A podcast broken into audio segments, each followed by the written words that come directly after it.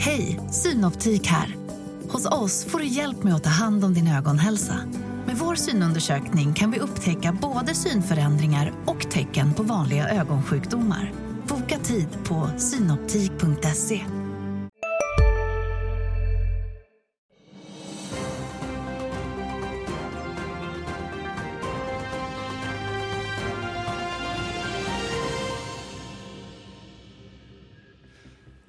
Måndag morgon och 11 grader kallt i Stockholm. Men här i studion är det varmt och mysigt. Ganska frostig handel däremot noterar vi i Asien under natten. Jag tror vi går i sidleds öppning också i Stockholm. Det är i alla fall den 4 december och du tittar på börs, Börsmorgon. Ursäkta. Hörni, idag ska vi snacka lite småbolag. Günther Mårder står bredvid mig. Stor intervju också med Katie Wood, en, en annan av världens mest eh, framgångsrika och kontroversiella investerare. Eh, till det, Husqvarna, är det läge att klippa till det? Frågar sig Ulf Uffe Pettersson som står bredvid mig i studion för omväxlings skull och inte i Kalmar. Väldigt roligt. Günther, du är ju aktienörd, du är många saker, men inte VD för Företagarna längre, eller hur? Nej, det är jag inte. Utan nu är det föreläsare, investerare, rådgivare. Ja, så att det blir mycket aktiemarknad nu. Apropå aktiemarknaden då. Väldigt dramatiska dagar bakom oss, inte minst på räntemarknaden. Får vi ett tomterally fram till jul eller är det slut på sprutten? Ja, fram, fram till jul är kanske svårt att, att, prata om, men om vi tittar i ett lite längre perspektiv så finns det ju förutsättningar absolut att börsen ska gå riktigt starkt. Nu har det ju redan varit ett otroligt uppställ sen, framförallt eh, 23 oktober och fram till idag. Så det, det, är nog svårt att se att det kommer att eh, bli en ytterligare en 10-15 procent innan jul. Det kommer vi inte få, men, men, några procent till absolut. Vad säger du Ulf?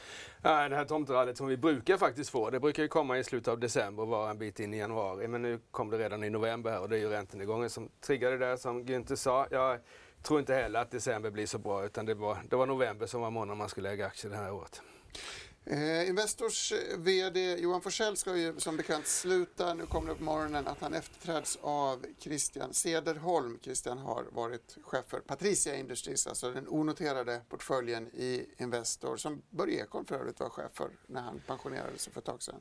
Ja, eh, eh och Christian karriär påminner, tycker jag, ganska mycket om Johan Forsell. Då. Eh, gått på Handels, första jobbet i stort sett efter det var på Investor och sen så har man varit där i, i två decennier och så blir man VD. Så det är nästan en kopia på Johan Forsell. Ämbetsmannakarriär?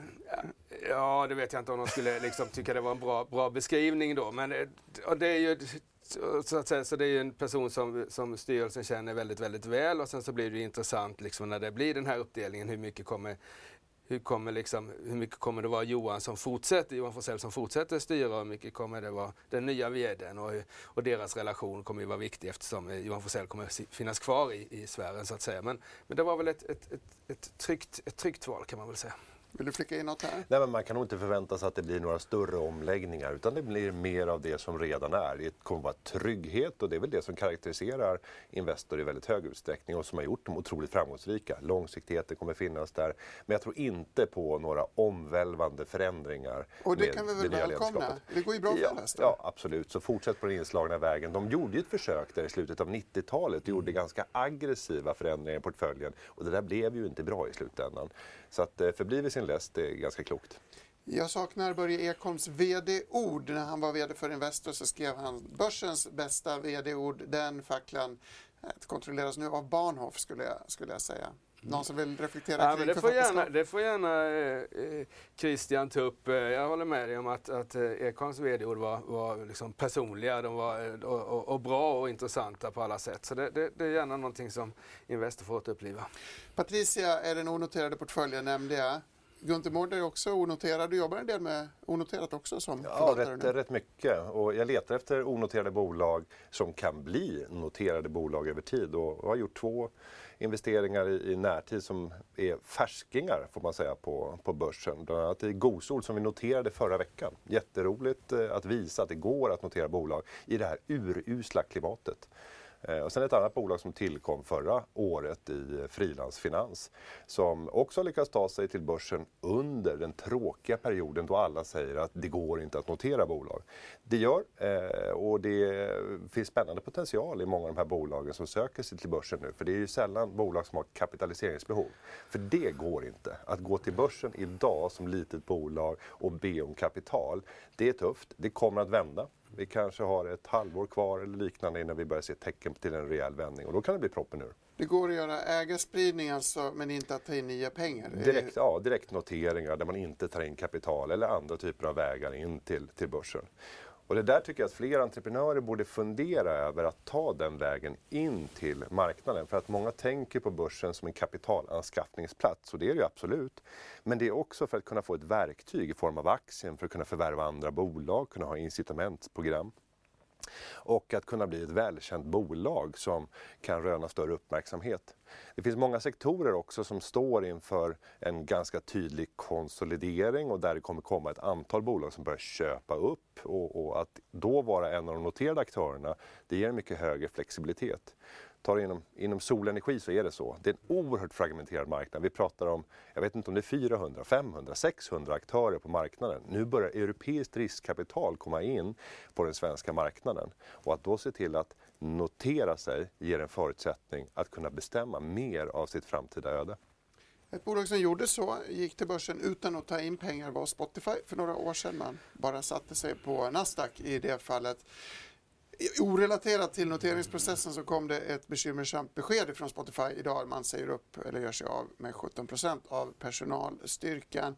Många bolag verkar ju göra den typen av arbetskraftsbesparande manövrar, Uffe. Ja, så är det. Daniel Ek har skickat ett pressmeddelande eh, och även gått ut internt om det. Det är mycket folk eh, och risken är väl stor att kanske Sverige får bära extra mycket för man har så att säga extra mycket folk här då jämfört med dess marknad. Eh, så är det alltså. Det är lite som Günther var inne på. Alltså marknaden för att liksom ta in pengar är mycket svag. Och, även om inte Spotify liksom har, har tagit in pengar vid notering så har de gjort upprepade nyemissioner. Och det är klart att det blir dyrare och dyrare nu och då måste man spara pengar istället. Och bakom det här ligger också då en, en svag konsumentmarknad där vi drar ner på antalet eh, streamingtjänster.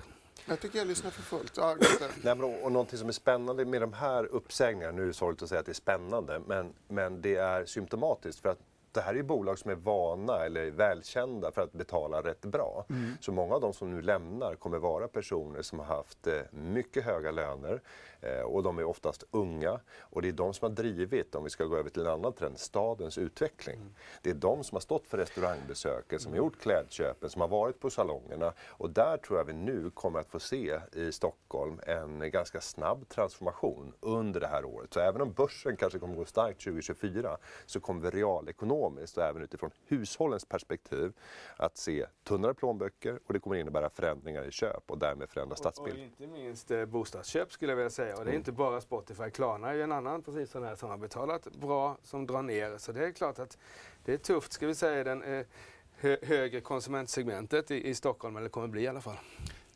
En nyss sparkad vd-kompis till mig berättade faktiskt att det inte var fullt på Rish på lunchen i fredags. Mm. Vilket skulle kunna vara ett tecken på att... Eh, spaning i tiden. Spaning mm. i tiden. Hörrni, många spaningar i tiden i nyhetsflödet. Nordea sänker det rimliga värdet på Viaplay till en krona per aktie.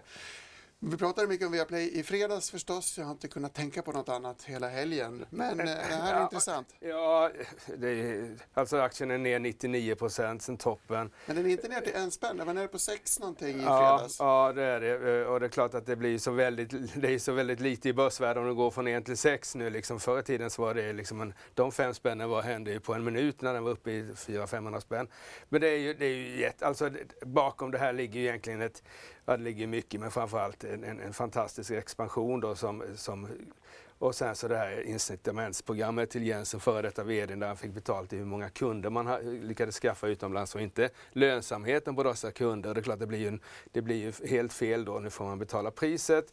Jag tycker det är lite, eh, nu verkar de ju få in sina pengar då, men det är klart att det är lite problematiskt när det sitter massor av konkurrenter i det här bolaget som kanske inte bara ser till bolaget utan även ser till sitt gamla, sina andra bolag då, Schibsted och, och Kanal Plus och de här. Och det, men de är ju nu utspädda till oigenkännlighet. Ja, ja, men man skulle vilja haft någon slags småbolagsrepresentant där. För det är liksom, det, där sitter folk på, på liksom flera stolar nu, liksom, både som aktieägare i Viaplay men som konkurrenter. Ja. Och de kanske inte har liksom Viaplay i, i, i liksom första rummet här. Vi, vi får se hur det blir. Gunther, kan du tänka dig en styrelsepost i Viaplay? Ja, det, det, det, kommer nog krävas mycket arbete för styrelsen framåt. Jag är inte arbetsskygg, men det omöjliggör väldigt många andra typer av uppdrag. Styrelsen kommer att få arbeta synnerligen hårt för att kunna ta sig ur det här och återvinna ett förtroende. För det är ett fullständigt brustet förtroende. Och det där brukar ta mycket tid att återskapa. Eh, ska vi nämna, apropå Viaplay och förtroende, Intrum är väl ett annat bolag som nu bekräftar samtal, ett annat bolag som har haft det lite bekymmersamt ska jag säga, som bekräftar samtal om eventuell avyttring utav delar av portfölj. De Eh, har kommunicerat att man noterat den senaste tidens spekulation om en sådan eh, och bekräftar att bolaget deltar i sådana diskussioner. Det här framgår av ett pressmeddelande nu på måndag morgonen. Ulf, eh, vill du ta den på vanlig? Ja, och det är också ett bolag som expanderade för kraftigt, precis som Viaplay och som nu måste backa. Och det sättet att backa som Intrum gör här är att sälja sina portföljer. De var ju en stor köpare av portföljer tidigare och nu ska de sälja och det är klart att det är ju inte det är inte rätt marknad för det med en helt annan räntemiljö som vi har nu då plus att man vet att det här är ett bolag som behöver sälja. Då är ju köparna kanske liksom, eh, kan de vara lite hårdare så vi får se hur det går då. Men det, det är, inte, det, är inte liksom en, det är inte någon nyhet så utan det var liksom låg i linje att de ska, att de ska liksom börja avveckla här. Mm. Vill du säga något om Intrum? Jag förstår inte Intrum själv så jag vågar Nej, inte men det, det är sorglig utveckling och mycket hänger ju samman med att, att finansieringskostnaderna har ju dragit iväg något mm. enormt. Tittar man på vad de får finansiera sig på på obligationsmarknaden så fattar man att det är attraktivt att börja sälja av sin grundaffär. Mm. Eh, så att de är nödda och tvungna att göra det. Och, eh, det är väl ett av de större bolagen på börsen som har en av de lägsta värderingarna eh, men där det fortfarande finns stora frågetecken. För att det finns så många dolda faktorer som man som investerare aldrig kan ha kontroll över. Nej, och det blir ju så. Vi, det, man kan väl liksom göra lite SBB-case där. När det är så mycket lån i förhållande till börsvärdet, då blir det ju liksom väldigt svårvärderat så att säga. Det är liksom, om du tar företagsvärdet, alltså skuld inklusive börsvärde, så kanske inte det har ändrats så mycket. Men det, liksom, det, när, när liksom, men det blir så när, när skulderna drar iväg så, så, så, så blir aktien väldigt, väldigt lågt värderad. Apropå räntor, jag var på Modis eh, fastighetsseminarium på Grand Hotel i fredags. Alla var där, det var fullt till sista stolen två reflektioner som jag vill bjuda på därifrån. Erik Thedéen avslutade sitt, sin dragning med att säga att värderingar på fastigheter var talk of the town, alltså om man kunde lita på värderingarna utav fastigheter som bolagen gör. Kom ihåg att fastighetsbolagen har värderat ner sina portföljer på ganska olika sätt. Mitt andra intryck var att Moody's själva har justerat ner sin bild utav prisutvecklingen på nämnda sektor, alltså att fastighetspriserna ska ner mer än vad man tidigare trodde. Uh det är ju, alltså det är ju en, fastighetspriserna är mångt och mycket en effekt av räntan och det är klart att med nuvarande räntor så, så, ska de ju ner men det finns ju en förhoppning om att räntan ska komma ner här genom att inflationen håller på att falla ganska snabbt och då kanske det, det kan räddas på så sätt. Jag fattar inte varför guldpriset är på all time high i den här miljön. Jag, jag, jag är osäker på ja. om, om de ska upp ja, eller det, ner. Ja, jag pratar hela tiden. Ja, men, nej, nej, men, nej, men det är lite spännande alltså. Guld, guldet är alltid sett som liksom någon slags inflationshedge så att säga. Men, men när, när, när räntan var hög och inflationen hög så var det ingen som ville ha inflation, eller ville ha guld. Men nu när inflationen har kommit ner, eh, eh, räntorna har kommit ner, då drar guldet. Så, och det, anledningen är väl att guld inte ger, någon, inte ger någon avkastning. Du får ingen ränta på dina guldtackor. Och därmed finns det öka kostnader för att hålla guld när räntan är hög. Men nu när räntan är på väg ner så, så, så att säga, blir kostnaden för att hålla guld mindre. Och då väljer man att köpa guld för de som tycker att det är lite osäkert ute med en fallande konjunktur och olika krig och allting. Så tycker man guld är det är billigt att hålla guld nu jämfört med för ett år sedan. Från guld till Gunther? Mm, ja, och guld är någonting som jag har haft svårt att förstå. Även om det har gått flera tusen år och alla verkar överens om att det är oerhört värdefullt. Eh, det är ju, bygger ju bara på en överenskommelse om att alla tycker att det är värdefullt. De industriella eh, användningsområdena är ju relativt begränsningar även om ledningsförmågan inte är oöverträffad men mycket god men inte ställt i relation till pris. Sen ska man ju addera utifrån svenska investerares perspektiv så är ju inte eh, toppnoteringen i, i guldet nu det enda, utan det är ju även den eh, starka dollarn som skapar ett rekordpris. Så egentligen ska man ju titta på guldpriset Guld i svenska, svenska kronor. kronor och då är det brutalt starkt. Och, och, där skulle jag kanske inte ta mitt bett nu om jag tar för de kommande fem åren. Även om vi har relativt sett högre inflation så tror jag inte där vi kommer kunna hämta fina avkastningar framåt. Kanske finns den fina avkastningen istället på börsen, rent av inom småbolag. Och apropå nämnda marknad, klockan har slagit nio, dags för aktiemarknadsöppning.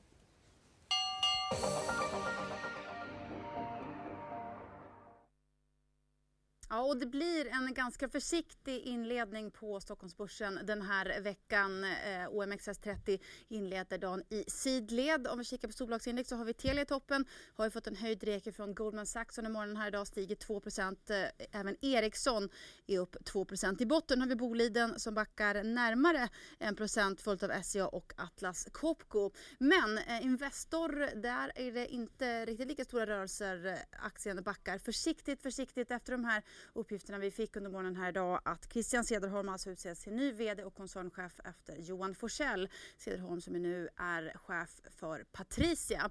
Eh, men lite andra nyheter som dykt upp under morgonen här idag det är ju att Intrum nu bekräftar spekulationerna som varit om att man för samtal om eventuell avyttring av en del av portföljen. Aktien lyfter eh, drygt 5% här idag. Och sen har vi Husqvarna som är veckans aktie stiger 3% har ju fått en köprek av Uffe Pettersson i dagens tidning som ju ser en uppsida på en 25% i bolaget. Jag tänker att vi också ska ta och kika till IT-återförsäljaren Dustin som ju tagit in närmare 1,8 miljarder i en företrädesemission som övertecknades till 121 procent. Aktien lyfter 1,5 procent här idag. Och sen har vi ju Viaplay som fortsätter neråt här idag, backar ytterligare närmare 7 procent här idag. Eh, där så har ju bland annat Nordea sänkt rimliga värdet för aktien till 1 krona efter förra veckans rapport och nyemission. Kepler har också sänkt kursen till 1,5 kronor. Eh, sen har vi en hel del andra eh, riktkurs och rekommendationsändringar som jag tänkte vi skulle gå igenom lite snabbt. Eh, Jeffries har återupptagit bevakning av SSAB med en behållrekommendation. Aktien backar en halv procent. Eh, man inleder också bevakning av Fortnox med rekommendationen köp. Aktien lyfter 3 procent. Sen har vi Vilborgs som istället har fått en sänkt reke från DNB som sänker till behåll från tidigare köp. Aktien ner 1 procent. Även Embracer ner 1 procent idag. Där har istället Jeffries faktiskt skruvat ner riktkursen rejält. Men ni var ju också inne på guldet i studion som ju nått nya rekordnivåer under morgonen här idag på 2100 dollar per uns. Har ju fallit tillbaka en del eh, under eh, förmiddagen här idag och står nu i 2058 dollar per uns. Eh, men fortsatt alltså på höga nivåer. Men som sagt, det är en eh, Stockholmsbörs eh, som handlas ganska försiktigt här idag runt nollan. Hej, Ulf Kristersson här. På många sätt är det en mörk tid vi lever i. Men nu tar vi ett stort steg för att göra Sverige till en tryggare och säkrare plats. Sverige är nu medlem i Nato. En för alla, alla för en. Har du också valt att bli egen? Då är det viktigt att skaffa en bra företagsförsäkring. Hos oss är alla småföretag stora och inga frågor för små. Swedeas företagsförsäkring är anpassad för mindre företag och täcker även sånt som din hemförsäkring inte täcker. Gå in på swedea.se företag och jämför själv.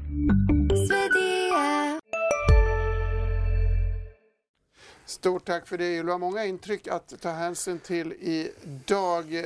Ska vi säga något om Intrum inledningsvis? Gunther, du får börja. Ja, den drar närmare 5% här i inledande handeln.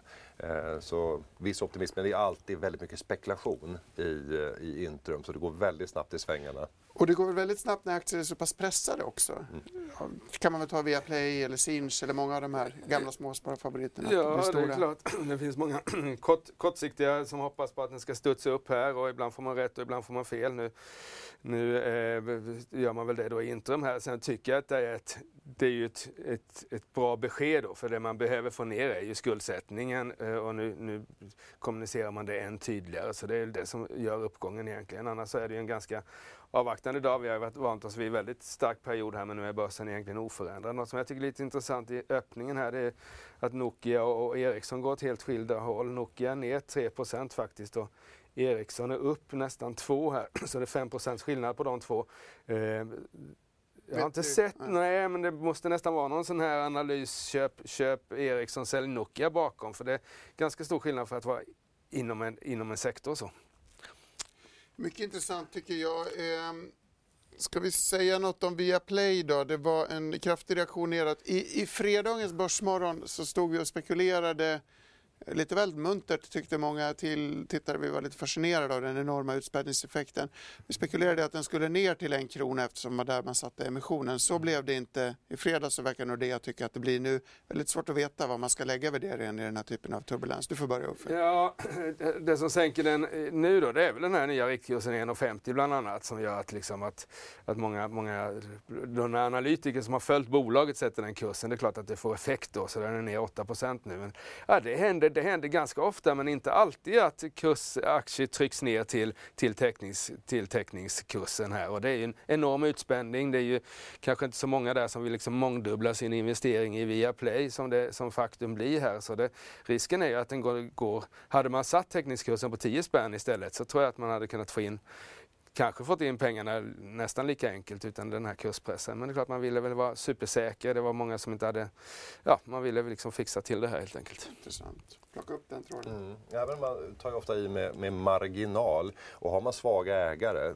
då finns det ingenting annat än att sätta ett synnerligen attraktivt pris och det blir en fullständig kurskollaps. Mm. Och utspädningen blir ju närmast fundamental när man tvingas till denna mönster. Så det här visar någonstans styrkan med att ha större ägare som kan backa upp och säga redan innan att men jag tar 30-40 procent. Du har ett antal institutionella ägare som ovanpå det kan backa upp så att du har majoriteten av en emission säkrad. Då kan du rädda enorma värden. Men det skapar ju möjligheter för den som är lite investeringssugen för vi kommer ha rörelser som är otroliga här under de närmsta dagarna. Det är min övertygelse. Ja, det kommer vi ha. Det kommer, och det kommer ju vara mycket tecknings, teckningsrättens prissättning från till aktien som styr och sånt där. Där kommer ju kunna finnas arbitrage att göra.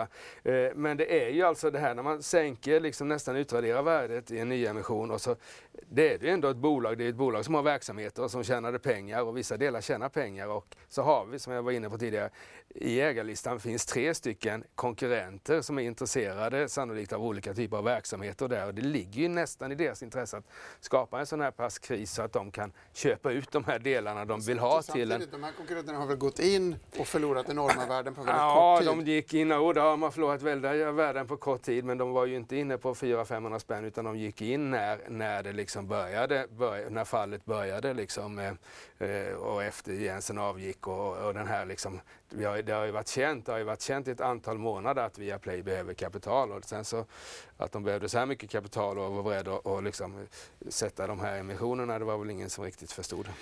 Apropå kraftiga kursrörelser, du som gillar småbolag, du sitter i Spotlights styrelse va?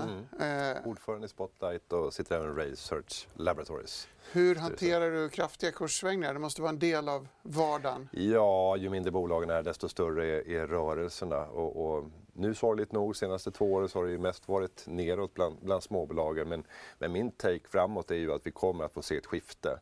Eh, jag skrev en krönika i Dagens Industri den 23 oktober där jag tittade på skillnaden i värdering mellan de stora bolagen och de små bolagen och tittade på alla de tre smålistorna, det vill säga Spotlight, NGM och First North. Alla de tre listorna som index betraktat har kraftigt underpresterat mot storbolag hittills under året. Och det gapet är rätt sällsynt att det uppgår till 20, ibland upp till 30 procent i skillnad. Det där är ett väldigt tröskat ämne här i mm. studion mm. så jag, jag bromsar det lite. Mm. Men det har ju kompenserats ganska kraftigt på sista tiden. Ja, lite grann. Men storbolagen har också gått rätt hyggligt. Så tittar man på storbolagsindex så har det följt med nästan lika starkt. Det, det skiljer några procentenheter. Så gapet finns fortfarande där, men, men eh, jag tror att det kommer att stängas. Och det kommer inte handla om att storbolagen kommer att falla ner hejdlöst till småbolagens nivåer, utan att riskaptiten tilltar och att det successivt kommer göra att man kommer stå beredd att värdera upp de, de mindre bolagen. Jag även ett pessimistiskt scenario skulle man kunna argumentera att nedsidan redan är tagen i småbolagen så även om det blir sämre så kanske ja, nedsidan så kan är absolut göra. Ulf, dina mm. tankar om den här, det här gapet? Även det där, vi, min kollega eh, Micke Wilenius gick igenom det där och nu har det ju hänt, nu har det ju rättat till sig lite grann men det var liksom, det har aldrig varit så stor skillnad i, sen, sen 2000-talet mellan storbolag och småbolag. Så det, det var unikt och det hade ju att göra med att man, risk, riskpreferenser och och framförallt nyemissionsrisker då och sånt där i små bolag, då går det ju liksom väldigt snabbt. Nej, jag tror att eh, är man långsiktig ska man nog börja köpa småbolag för det, tittar man i det väldigt, väldigt långa perspektivet så brukar de gå bättre än storbolag. Inte bara småbolag faktiskt som svänger på börsen. Jag noterade att Pfizer var ner förra veckan i, ursäkta, 6% i fredags. Bolaget kommer stoppa utvecklingen av en variant av sina viktnedgångsmedel. Eh, som alltså inte tas vidare till fas 3. Och så nämnde jag ju Rish tidigare i samtalet. Faktum är att Roche har genomfört ett förvärv för 2,7 miljarder dollar. Det här är två ganska skilda verksamheter. Roche är en hälsovårdsjätte som också vill in i det attraktiva fetmaområdet. Den schweiziska jätten köper Carmot Therapeutics för 2,7 miljarder som sagt. Eh, fetma verkar vara det nya guldet på börsen. Ja, eh, och Novo Nordisk är väl den som har vassast spadar då, eh, som har kommit längst där och är ett fantastiskt bolag. Och, och, ja, det är det. Det är klart att det är ju en, en riktig folksjukdom eh, och den eh, drabbar liksom folk, folk som kan betala också, eller jag på att säga. Så det är klart att det är en väldigt attraktiv eh, läkemedelsmarknad om man lyckats hantera det.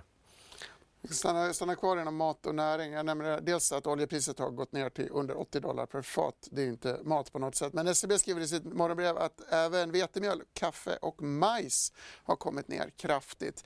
Det här måste vara musik i, i, i Günthers öron. Nej, och är man inflationskrigare som jag så gillar man ju alltid när man ser dämpade priser. Det jag kan känna en viss upprördhet över nu det är ju att många av råvarupriserna på det vi köper i butik de är ner på nivåer som ligger i paritet med vad vi hade för ett och ett halvt, två år sedan. Men när man väl går i butik så syns det inte mycket av det. Så i korten för mig så ligger en förväntan om att vi kommer få se en fortsatt dämpad prisutveckling i mathandeln. Eh, kaffet är ett typiskt sånt där exempel. Kaffet eh, var ju uppe på rekordnivåer men sen dök det rätt kraftigt men vi betalar fortfarande, nu skulle det vara kampanj den här veckan så att du kunde ändå få två paket för 50 kronor men, men det är ytterst sällsynt. Och förut så kunde man få det för 20 kronor paketet om det var riktigt bra pris. Ja, och, men det där är ju, om vi liksom för över det där till, börs, till börsgolvet, höll jag på att säga, så, så är ju det intressant. För tittar man sen före pandemin då, Eh, och, och, sen så fick vi pandemin och sen fick vi en fantastisk efterfrågan så fick vi en inflation. Så har ju rörelsemarginalutvecklingen har varit fantastisk i bolagen. Så de har ju lyckats dra nytta av de här prisuppgångarna som har varit. Man hade liksom gamla produkter som man kunde sälja till de nya priserna och så har det fortsatt. Och frågan är vad som händer med marginalen nu när, när liksom, eh, som du säger, att att konsumenterna betalar fortfarande höga, väldigt höga priser eh, medan producentpriserna har börjat falla och de är ju ner 15-20% i vissa länder.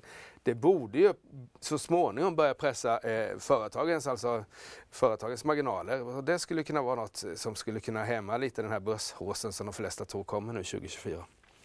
Eh, Det kan också få eh, intressanta effekter på inflationsutvecklingen som många spanar mot. Kom ihåg att eh, Fed-chefen Jerome Powells tal i fredags, eller en så kallad fireside chat, en Eh, diskussion eh, fick stor uppmärksamhet eftersom man visserligen flaggade för eh, att, att det kunde bli ännu högre räntor men det verkar ingen tro på. Istället är det ett uttalande om att räntorna redan tagit in, tagits in i starkt restriktivt eller starkt begränsande territorium som fick marknaden att tro att centralbanken har gjort sitt. Vi ska över till en annan amerikansk eh, profil av dignitet, nämligen Katie Wood.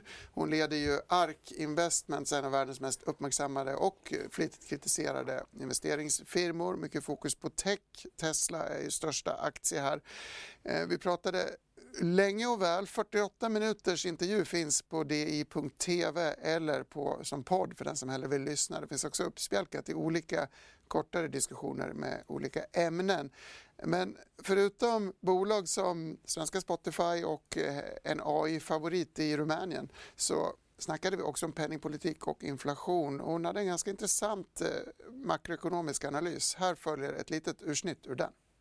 What we're seeing is the markets are beginning to uh, uh understand that the the interest rates higher for longer that that scenario is uh, probably not going to happen and that interest rates uh, might actually start coming down.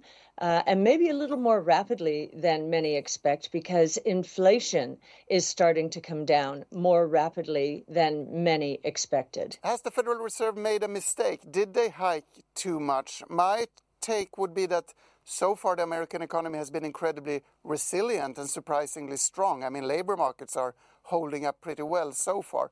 Are you worried that there's been a mistake made?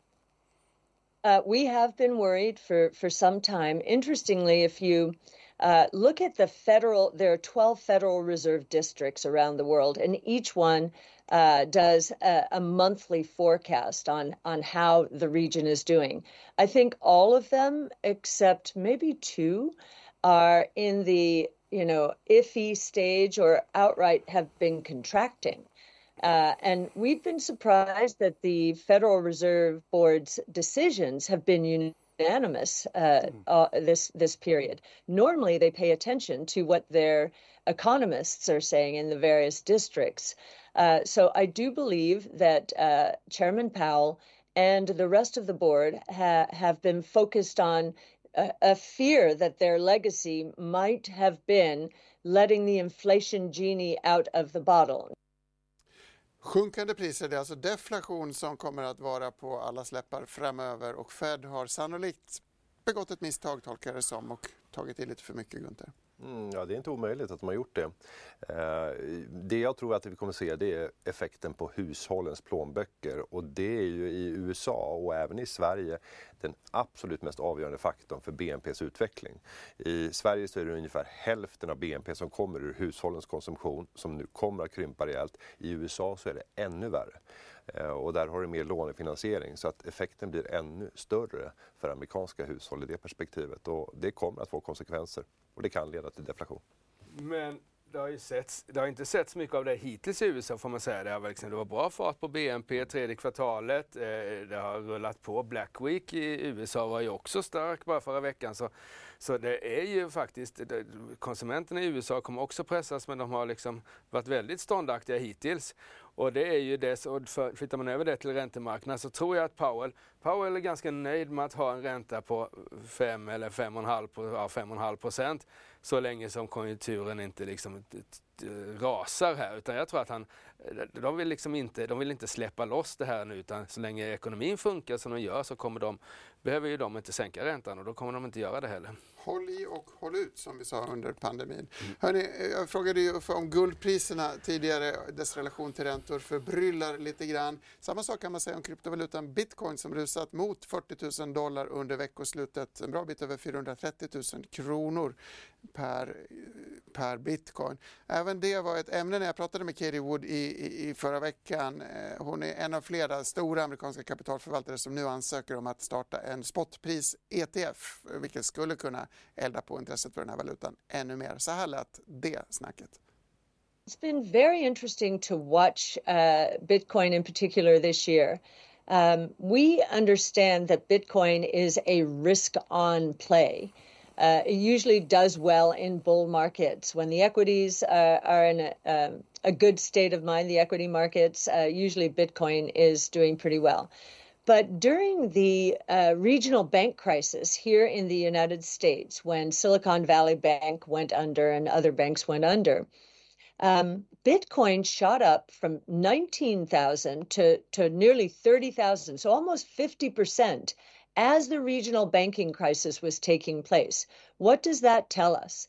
It tells us that Bitcoin is also a risk off asset. Think about that. It's it's a risk on and a risk off asset. Det låter väldigt attraktivt tycker jag Günther. Risk on och risk off på samma gång. Ja, men så är det ju med samlarföremål, för det är så jag betraktar det. Det finns ingen vettig person som använder det här som en transaktionsvaluta, utan det är ett digitalt samlarföremål eh, och samlarföremål generellt brukar ha det karaktäristikan. Tittar du på konst, tittar du på viner, så de kommer kunna stå sig både i goda och, i sämre tider. Så nu kommer jag säkert få många mot mig, men, men för mig så är det ett, ett digitalt samlarföremål. Är tillräckligt många överens om att att det här är värdefullt så kommer det kunna stiga i värde. Eh, jag gillar inte den här typen av samlarföremål. Jag vill ha det fysiska tinget. Ja, men tar man tar man bitcoin som jag inte är någon superexpert på sådär. Så nu har den dragit, räntan har gått ner, bitcoin är inte heller någon ränta så då är det billigare att hålla bitcoin relativt. Tar vi det som eh, Wood pratade om här, att rallyt under våren, så hade vi också ett nedställ på, på amerikanska tioåringen där i samband med den här eh, eh bank, bankkrisen. Det blev inte så mycket av den sen, men då föll, föll räntorna från 4 till 3,5 och det gynnade också bitcoin. Så jag tror att det är lite, det är lite guld, guldkänsla på, på bitcoin just nu. Då, att, att eh, det, går räntan ner så kommer det där gå starkt och sen kan den gå starkt även i en bullmarknad. Det har vi ju sett hur bitcoin har exploderat i dessa marknader också. Men jag tror att det är lite den här ränte, ränteeffekten faktiskt. Den här ränteeffekten. Hörni, jag tycker vi går från eh, bitcoin till den mer kontroversiella marknaden, eh, aktiemarknaden. Ylva Johansson och Studio 2 för en uppdatering. Ja, och det är fortsatt ganska försiktiga rörelser på Stockholmsbörsen även om det är positiva sådana. Om vi kikar på storbolagsindex så noterar vi att vi har lite räntekänsliga Sinch och SBB i toppen. Sinch stiger 3,5% SBB upp 2,5% följt av Telia och Ericsson där har Telia fått en höjd rek från Goldman Sachs som höjer till köp från tidigare neutral. I botten SCA och Boliden som backar 1% vardera ungefär. Eh, Investor handlas i sidled efter beskedet att Christian Cederholm utsett sin ny VD och koncernchef efter Johan Forsell. Sen tänkte jag vi skulle ta och kika till Volvo Cars där vi fått lite nya försäljningssiffror här under morgonen idag. Den globala försäljningen ökade med 8% i november. Elbilar utgjorde 16% av den försäljningen. Aktien stiger en halv procent. Desto bättre går det ju däremot för Intrum som rusar hela 8% efter att man under morgonen bekräftat spekulationerna om att man för samtal om eventuell avyttring av en del av portföljen. Eh, Husqvarna är ju veckans aktie, lyfter 2,5 procent och har fått en köprek av Uffe Pettersson och sen har vi ju hit återförsäljaren Dustin som har tagit in 1,8 miljarder i en företrädesemission som övertecknades till 120 procent. Aktien lyfter 1,5 procent. Sen har vi ju Viaplay som fortsätter att backa idag, ner nu nästan 6 procent, har ju fått en del sänkta riktkurser under morgonen här idag. Nordea sänker vad man kallar för det rimliga värdet eh, för aktien till 1 krona per aktie. Eh, och Kepler sänker riktkursen till 1,50. Eh, Fortnox lyfter däremot eh, nästan 4 Där har eh, inlett bevakning med rekommendationen köp. Saab också upp en 3 här idag. Där är det istället Bank of America eh, gett bolaget en eh, köprekommendation från tidigare behåll. Eh, ni har ju varit inne på det i studion att schweiziska läkemedelsjätten Roche hakar på fetmatrenden, gör ett förvärv på området för 2,7 miljarder dollar. Aktien lyfter 1,5 procent. Jag tänker vi även ska ta och kika lite på Helsingforsbörsen där ju Tieto Every fått en köprek från SEB och lyfter 1 procent. Och eh, sist innan ni ska få fortsätta tälja guld i studion kan vi väl ta och notera att guldpriset Priset eh, just nu står i 2062 dollar per uns. Gyllene Tider, Ylva, stort tack för detta. Eh, vi har däremot lite tekniska problem på en av de mindre handelsplatserna, berättade Günther för mig. Mm, ja, det ser ut som att eh, det är tekniska problem på NGM just nu och Spotlight, där jag är ordförande, använder ju deras tekniska plattform. Nu har vi fattat beslut i Spotlight om att lämna den för att gå över till Nasdaq och Inet och det kommer ske 1 februari. Men, men det är aldrig bra när man eh, ser att eh, det tekniska bakomliggande inte fungerar och att handeln inte kommer igång som den ska. Tråkigt att höra. Vi får hålla tummarna för att den kommer igång snart. Något som kanske kommer igång är gräsklippning och eh, hushåll som på nytt öppnar plånböckerna för att spendera på, i trädgården, Ulf. Detta har du analyserat i hus, fallet Husqvarna? Ja, eh, det är klart att det kommer inte igång nu då. Husqvarnas eh, försäljning 11 grader kallt. 11 grader kallt, ja precis. Då. Då, det finns snöslungor också då i och för sig. Men, eh, men det tittade på mycket det i robotgräsklippare. Husqvarna står, de hade den organiska försäljningstillväxten var fem, ni, minus 15 procent under Q3. Så det är klart att det är tuffa tider och det har att göra med att man jämför sig med pandemiår då och lite sådana här eh, logistikproblemens eh, år också som gjorde att det liksom blev mycket order och sånt. Eh, men eh, eh men tittar man liksom bortom det där jag tycker lite att vissa aktier, marknaden har en tendens att betala som högst P tal när vinsten är som högst. Och då glömmer man titta varför är vinsten som högst nu? Jo, det var ju olika händelser då, pandemi bland annat som för, för Husqvarna. Och då var den uppe i 100, vad var det, 140 spänn eller något sånt där som mest. Och nu när det har varit lite pressat så, liksom, så, så, så pressas aktiekursen också. Det är ju rimligt men jag tycker att det blir lite, lite väl stora svängningar. För eh, zoomar man ut lite grann och tittar på Husqvarna 3-5 år bort så har de ju en fantastisk produkt i sin Eh, de har flera fantastiska produkter, men framförallt två. Då. Dels robotgräsklipparna. Eh, det har gått från 0 till 50% marknadsandel i Sverige. Eh, I USA så är det bara 5% marknadsandel på robotgräsklippare i förhållande till andra gräsklippare. Och lär väl växa förstås, för det är liksom en, en fantastisk produkt. Och sen har de den här som de köpte eh, i USA för ett par, tre år sedan, en, en smart bevattningsanläggning. Och det är ju liksom någonting, vatten är ju en bristvara och det kommer vi också behöva liksom eh, hantera mycket mer effektivt. Så jag tycker det, de där trenderna är liksom inte, de, de, de har liksom inte Just nu är det lite svagt men tittar man ut när det liksom ekonomin normaliseras så bör det bli bra för Husqvarna och eh, ja, då tycker jag att den är värd 100 spänn och inte 80 som den stod här i förra veckan. Vill du flika in där? Mm, ja, men när jag tittar på caset så eh, tar man ett långt perspektiv, 10 år, så ligger man och taktar en tillväxt på ungefär 6% per år. Jag har inte en förväntan om att det kommer vara mycket högre så över en konjunkturcykel. Lönsamhetsmässigt, eh, ja, då kan man leverera någonstans kring 6% i vinstmarginal, vinst före skatt. Det som eh, det idag ger är en tillväxt på ungefär 11% i vinst per aktie per år de kommande åren. Värderingen historiskt har legat på i snitt 21, alltså P talet i snitt är 21 och det är för dyrt i förhållande till ett bolag som då har haft en historisk vinsttillväxt som ligger på en 6-7% per år. Så att det finns en premievärdering här som utgör en risk. Om den skulle försvinna och de skulle få ett mer normaliserat värderingsspann så skulle jag säga att ett sånt här bolag ska värderas från 10 upp till som max kanske 18 gånger årsvinsten med den tillväxtprestationen. Men tittar man då, jag, jag får P talet till, till eh, under 14 här nästa år. Eh, de har ett besparingsprogram 1,2 miljarder och de här delarna som växer då, robotgräsklipparna har en helt annan rörelsemarginal än det, det gamla som överger. Så jag tror att marginal, marginalen bör över tid öka för att man säljer liksom mer höglönsamma produkter och sen har du ett besparingsprogram som tickar in och då är det 14 och det tycker jag är rimligt. Jag håller med dig om att 20, 20 vill man helst aldrig betala för bolag, eh, vissa bolag kanske, men, men 14 tycker jag är okej okay för ett, liksom ett sånt globalt eh, eh, bolag i, som har en del tillväxtnischer. Vi ska gå vidare till eh, en annan eh, tillväxtraket och eh, tidigare favorit. Det är ju december och det innebär att vi på DTV formligen drunknar i trevliga julhälsningar ifrån vänner och bekanta. I fredags var det Peter Bronsman på Kopparbergs bryggeri som skickade en hälsning och idag är det ingen mindre än Gert-Erik Lindqvist på Nibe som skickat in en julkula. Sätt dig riktigt bekvämt och njut för det här. Det är fina grejer.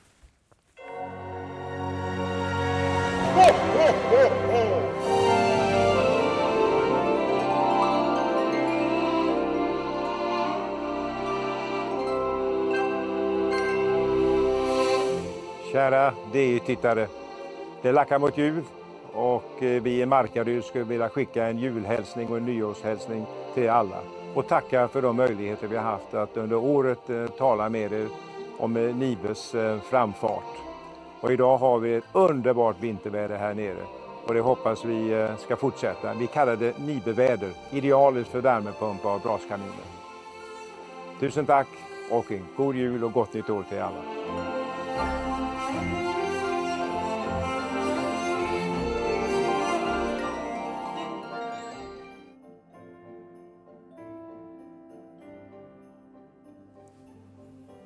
Mysigt med julstämning och mysigt med Nibeväder, det har vi också. Mm. också här. Ganska frostigt på börsen också va? 35 grader kallt på Nibe termostaten i år.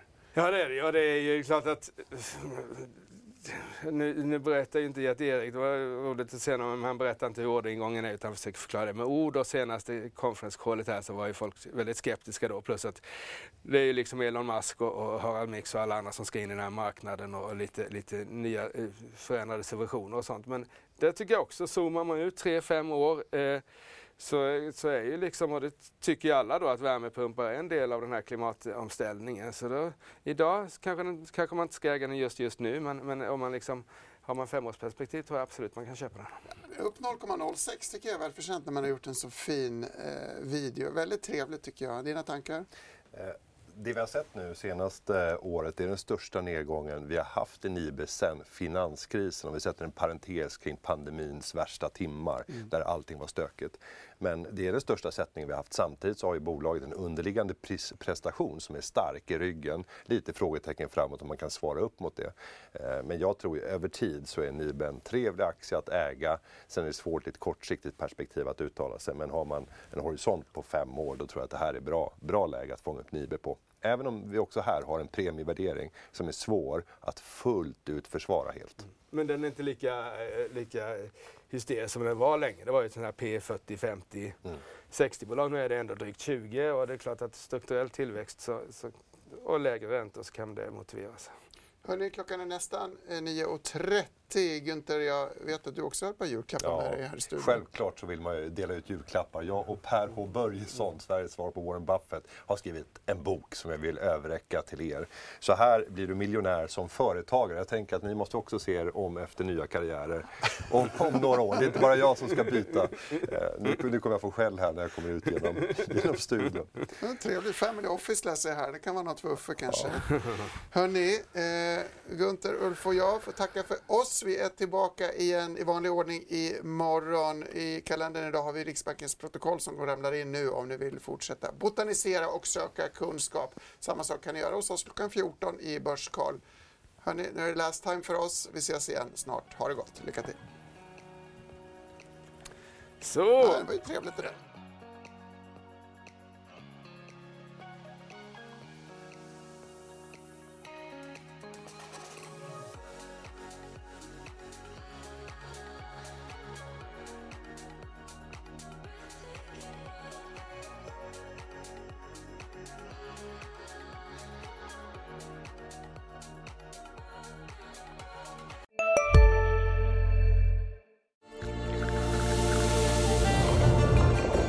Välkommen till Maccafé på utvalda McDonalds restauranger med Baristakaffe till rimligt pris. Vad sägs om en latte eller cappuccino för bara 35 kronor? Alltid gjorda av våra utbildade baristor. Ni är med om det största.